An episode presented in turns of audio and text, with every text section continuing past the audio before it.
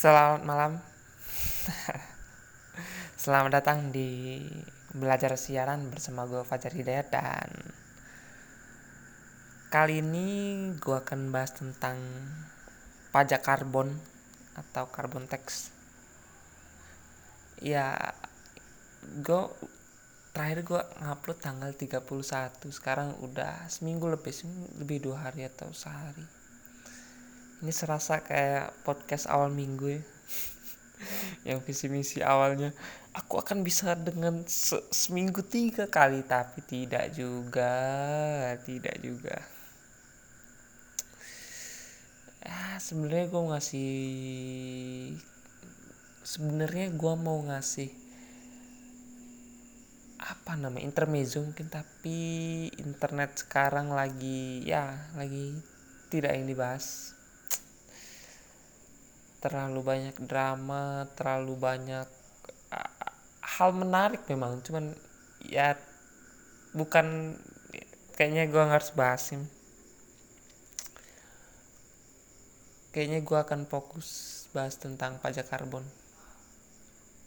Oh ya minggu kayak mungkin pertemuan selanjutnya gue bakal bahas bahasan yang menurut gue menarik dan ya mungkin gue terlalu lebay tapi gue nangkapnya sangat sangat sangat apa sangat fundamental atau ya sesuatu yang seperti itulah. Pajak karbon. Ya seperti namanya pajak karbon adalah pajak yang ditarik karena ada penggunaan bahan bakar berbahan ya ber, ya berbasis fosil atau hi, hidrokarbon tepatnya. Kayak minyak bumi batu bara dan ya yang yang seperti itu. Dan pajak karbon ini dipungut untuk mengurangi emisi gas rumah kaca Ingat ya, tanda kutip mengurangi emisi gas rumah kaca. Yang mana kesadaran manusia akan pemanasan global atau perubahan iklim yang sangat ekstrim itu sebenarnya udah terjadi lama mungkin di episode sebelumnya apa limit to grow kayaknya udah pernah gue bahas tentang mereka ada perkumpulan di Roma Club of Rome kemudian mereka uh, keluar dari situ mereka membuat laporan dan akan memprediksi apa yang terjadi ke depannya tentang industrialisasi, industrialisasi dan keberadaan manusia. Dan itu memang benar dan ya memang terjadi sekarang. Dan Indonesia masuk ke dalam keanggot keanggotaan peduli apa? Peduli apa perubahan iklim apa sebenarnya ada apa bahasa yang bener ya? UFCCM atau ah ya ya kayak gitu men. Dan Indonesia mendukung itu kemudian mereka menargetkan akan menurunkan emisi sampai dengan 29% ya itu di itu untuk tangan Indonesia sendiri maksudnya Indonesia Indonesia sendiri yang bergerak. Dan menurutnya kalau memang dibantu oleh negara lain akan sampai 41% ya gue sih agak pesimis ya bacanya karena ngelihat tidak ada perubahan sampai sekarang. Dan faktanya di dunia ini 9 dari 10 orang menghirup udara yang berpolusi. Ya untungnya ya kalau dipikir-pikir memang bener juga bener-bener ya bener-bener dan sembilan ya satu persennya mungkin mereka mereka yang tinggal di desa ya kayak gua gini lah. Gue cinta kampung gue serius. Walaupun jalannya jelek-jelek dan berlobang ya setidaknya biaya untuk apa ke tukang pijat lebih murah daripada harus ronsen paru-paru. Ya ya 9 dari 10 men. Maksudnya kalau dilihat banyak penyakit-penyakit baru yang muncul. Ispa kemudian apa ya penyakit penapasan yang lainnya lah. Atau mungkin ya covid ini mungkin. Tapi manusia udah terlalu hebat karena mereka karena manusia udah bisa merekayasa apa pun hal yang terjadi. Let manusia udah bisa merekayasa apa pun yang telah terjadi untuk dijadikan keperluannya atau untuk dijadikan kenyamanan ya itu itu hal yang dasar yang membuat industrialisasi ini ada ya kalau sekarang gue lihat deh. Itu dari suara ay, ternak di belakang. Jadi uh, nah, gue gue sampai mana ya bang oh ya ketika manusia dapat merekayasa apa gini. Lu wait. Ketika manusia bisa merekayasa tumbuhan ya mereka membuat bijinya kemudian biji itu hanya dapat uh, berkembang dengan baik karena biji tersebut dan turunannya tidak bisa seperti itu.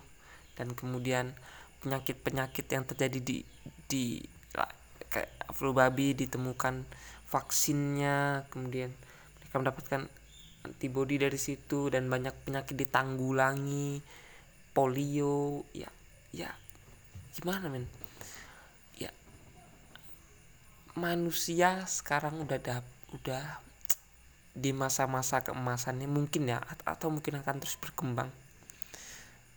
Mereka sudah ke antariksa berlomba-lomba ke Mars dan ya ini statement gua setelah ini gua bukan pro terhadap ateis. Bukan gua tidak pro terhadap ateis tapi gua bisa tahu dasar mereka memutuskan hal tersebut. Statement mereka adalah ketika sudah tidak ada lagi rahasia di muka bumi dan manusia telah menciptakan sesuatu hal baru merekayasa apa pun dan melebihi kehendak Tuhan dan ya, ya gimana lagi men ya ya mungkin itu pilihan mereka dan menurut mereka logika mereka itu benar ya silahkan juga sih. Tapi ya itu ya mungkin gue bisa maklumi alasan mereka. Dan itu pun keputusan mereka tidak ada di tangan gue dan kembali lagi ya hidup ya gue ngerasa hidup tuh pendek.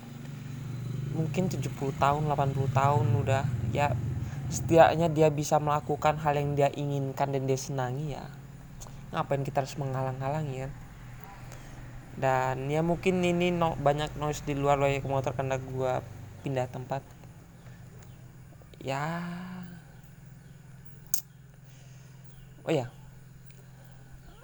Untuk pajak karbon ini pertama kali yang melakukannya adalah negara Finlandia ya di tahun 1990 diikuti Selandia Baru pada tahun 2005 dan gue bisa ngelihat perkembangan Indonesia yang katanya negara maju. Ya hidrokarbon ya masalah pajak karbon aja mereka masih ya yang mana katanya Indonesia banyak apa ya gue nyebutnya adalah negara yang kaya dengan sumber daya mineral, mineral yang melimpah. Tapi mereka nggak memikirkan hal ini gitu. dan Indonesia akan mulai di tahun ini 2020 karena mereka mulai merancangnya pada tahun 2018 dan mulai dilaksanakan 2020 tapi karena kebentur pandemi gue juga nggak yakin sih. Ya mungkin kalau kita lihat untuk eksploitasinya men warga sekitar banyak dokumenter yang bahas ini men. Yang selalu menjadi apa korban adalah rakyat sekitar maksud gue masyarakat sekitar yang sebenarnya mereka nggak mau kemudian tetap ditambang ya kemudian air tercemar dan mereka nggak bisa bercocok tanam lagi. Ya kayak gitu terus man. tapi semenjak amdal di di apa dikesampingkan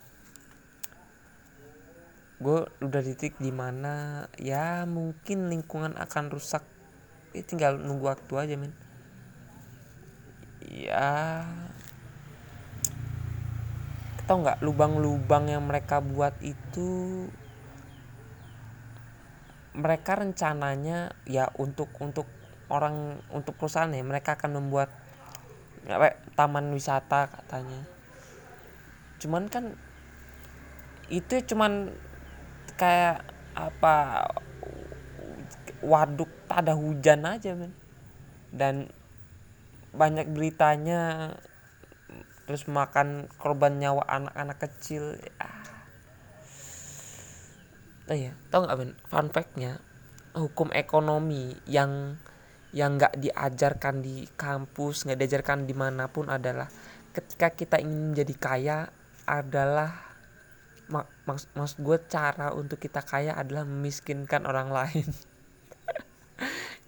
yang mana itu benar dan tidak diajarkan di mana pun ya mungkin ini salah satu pendapat bahwa kapitalisme kejam ya mungkin ini ya. Walaupun ada yang membawa bawa kapitalis with attitude ya ya attitude siapa men? Attitude siapa?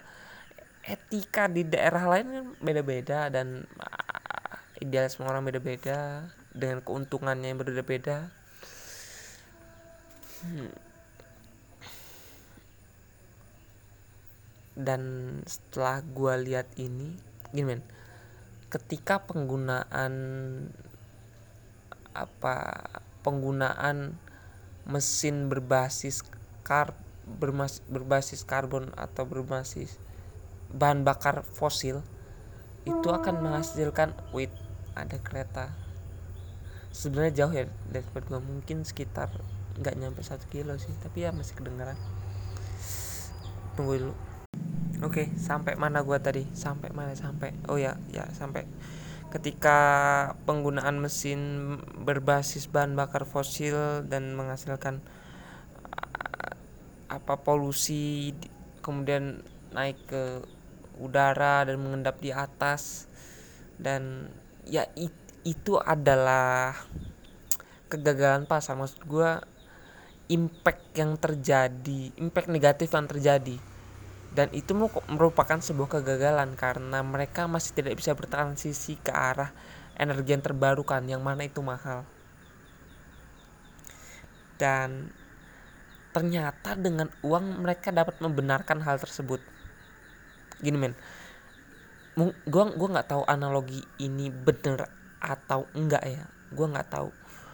Ketika gua punya apa tambang emas dan gua menambang di situ gua mengeluarkan limbah. Tetapi karena gua telah mengeluarkan memberikan uang ke negara atau bisa kita bisa bilang retribusi ke negara gue udah lepas dari hukum-hukum tersebut. Yang melanggar lingkungan gue udah melepas hal tersebut dan itu salah menurut gue dan ya ya gue sih udah nggak kaget lagi ya maksudnya gue udah di titik di mana ya gue nggak akan buang-buang energi untuk hal yang gue udah tahu arahnya ke mana. Maksudnya uang kan selalu selalu jadi apa malaikat. Lu tau nggak waktu lu main apa apa GTH itu angel card angel card ya eh, iya angel card. Kartu malaikat yang selalu menolong lo. Di saat apa pun ya ya kayak kayak gitu men. Dan ketik ya ini mungkin ada kekurangannya ketika penggunaan apa pun alatnya atau apa pun industri yang menggunakan bahan bakar berbasis fosil dikenakan pajak kemudian harga eh, karbon akan naik dan ketika kita ingin pindah ke energi terbarukan yang ada malah habis untuk ke negara ya. Dan dokumenter Dutchwell dia kok ya Dutchwell Indonesia itu menyoroti jual beli apa ok, ok, oksigen atau gimana men sebenarnya jual beli karbon sih namanya cuman lebih enaknya gue gue bilang jual beli oksigen. Cerita dokumenter itu dokumenternya pendek cerita dokumenter itu ada seorang apa banker apa ya ya ya orang yang kerja di bank kemudian dia keluar di bank dia membeli hak hutan dan menggunakan HGU-nya selama 60 tahun dia menjaga hutan itu dan hut apa ya hmm, hutan sebenarnya gue bilang oksigen. Sebenarnya tapi nggak pas men. Kata-kata udah sekarang gue, gue pakai oksigen.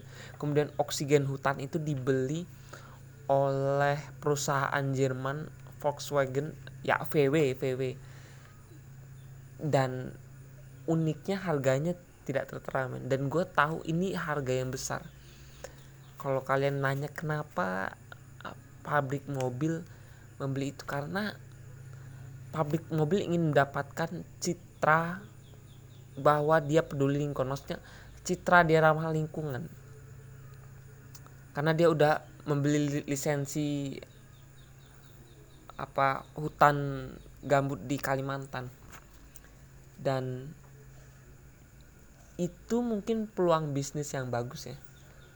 Dan selain itu peluang bisnis yang bagus itu membangun lingkung, lingkungan juga gue suka itu. Dan ada satu ya lahan gambut terkenal mungkin di Riau dan di Kalimantan. Untuk dokumenter ini di Kalimantan dan gue follow salah satu akun restorasi gambut di Riau Rare Riau kalau nggak salah namanya. Dan itu yang punya orang luar negeri men. Ya yang walaupun dia nggak pernah mempublish bahwa dia melakukan jual beli karbon jual beli karbon. Tapi gue yakin mereka berjalan ke arah situ juga karena ya nggak nggak setahu gue cuman NGO aja yang bisa non profit jalan terus karena banyak donasi. Kalau untuk restorasi gambut gue rasa enggak ya. Ya mungkin mereka jual beli itu dan faktanya harganya tidak dicantumkan. Ada ada motor lagi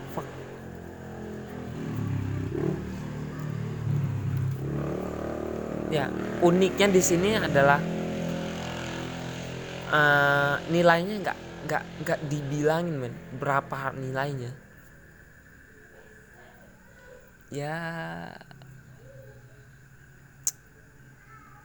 Oh ya ini pernah dibahas kebetulan di satu kelas dosen gue bilang karena oh ya men karena kan kan banyak yang bayar ke Indonesia banyak negara yang maksud gue bayar ke Indonesia karena Indonesia merupakan paru-paru dunia untuk menyumbang tentang hutan Indonesia.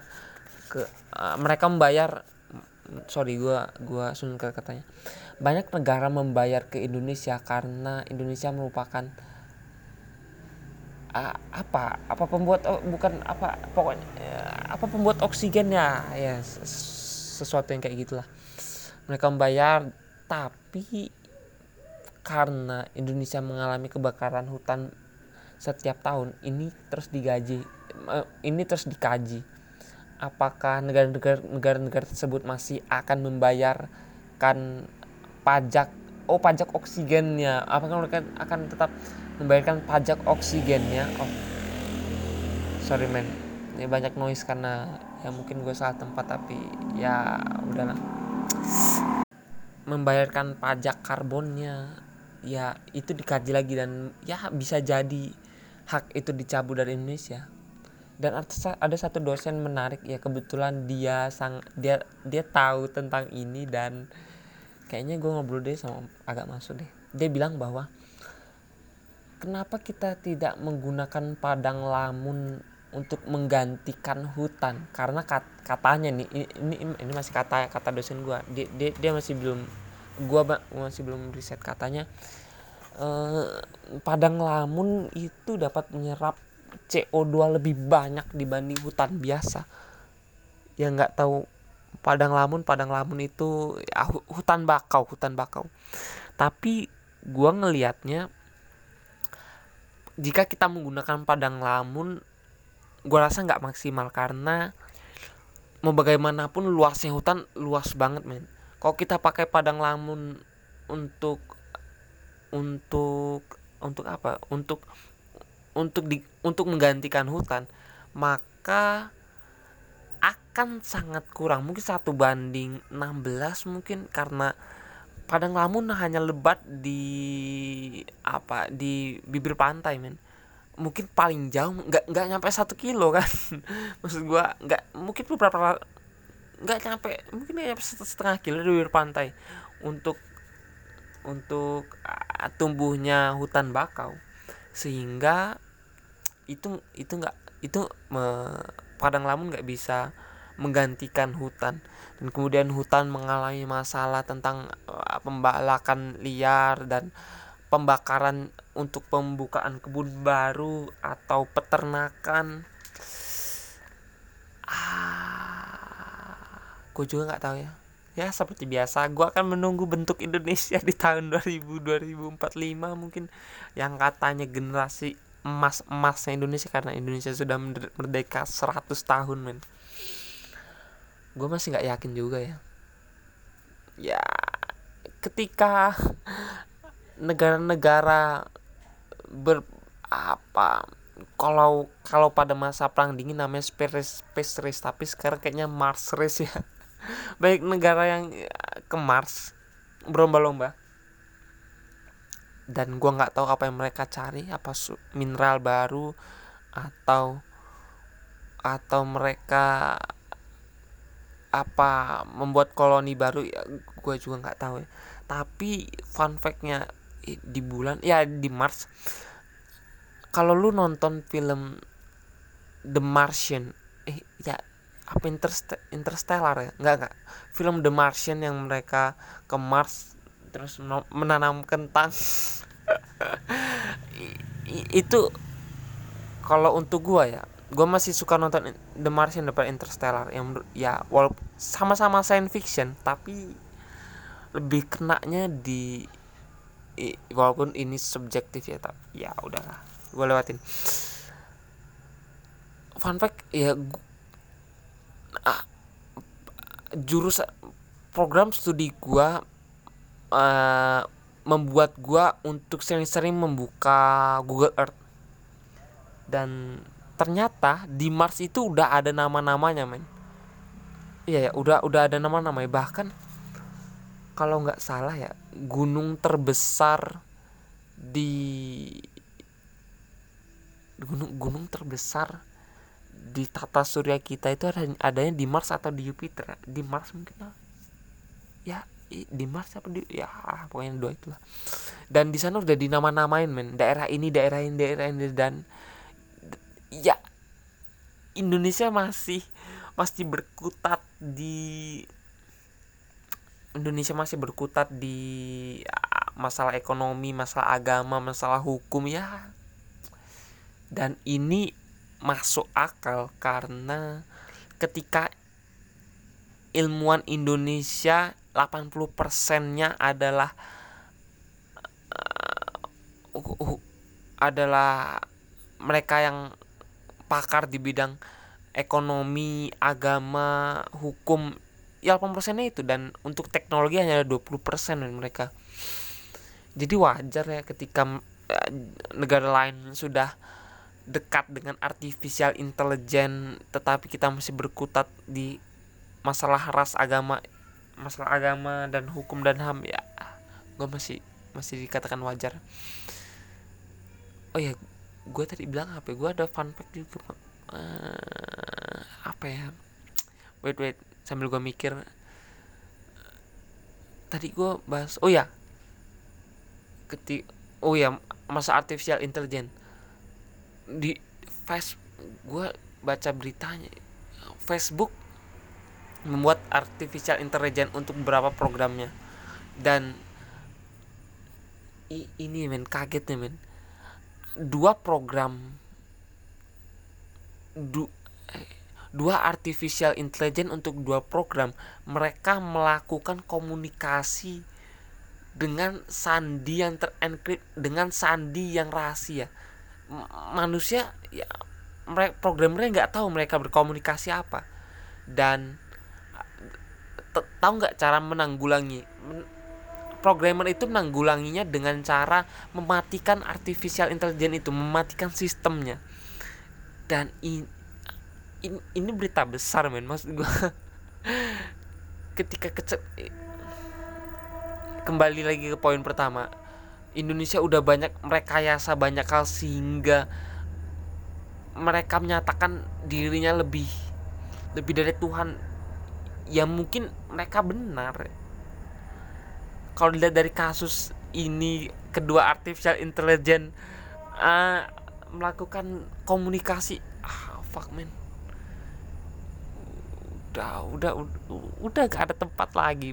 Mungkin ya ya gimana ya? Cita-cita gue tua nanti adalah ting tinggal di kaki gunung kemudian rumah gua rumah rumah ala-ala orang-orang hmm, yang tinggal di pegunungan di pegunungan negara di negara-negara Skandinavia ya gue suka men ketika walaupun gue gua masih butuh internet sih sebenarnya karena kan gue kan menjadi ya mungkin sampai sini aja men. Ya. Gue akan oh yes. Spoiler aja minggu depan atau next episode gue akan bahas tentang hal yang menurut gua penting untuk gua bilangin. Karena ya mungkin ini termasuk e ego manusia ya. Ketik eh, gini men gua kasih sedikit sedikit spoiler untuk ternyata hukum dan kadar baik dan buruk itu tergantung atas mayoritas pemikiran kepuasan batin seseorang. Ya, ya memang agak bingung sih tapi ya besok aja. Oke men udah men udah udah setengah jam. Bye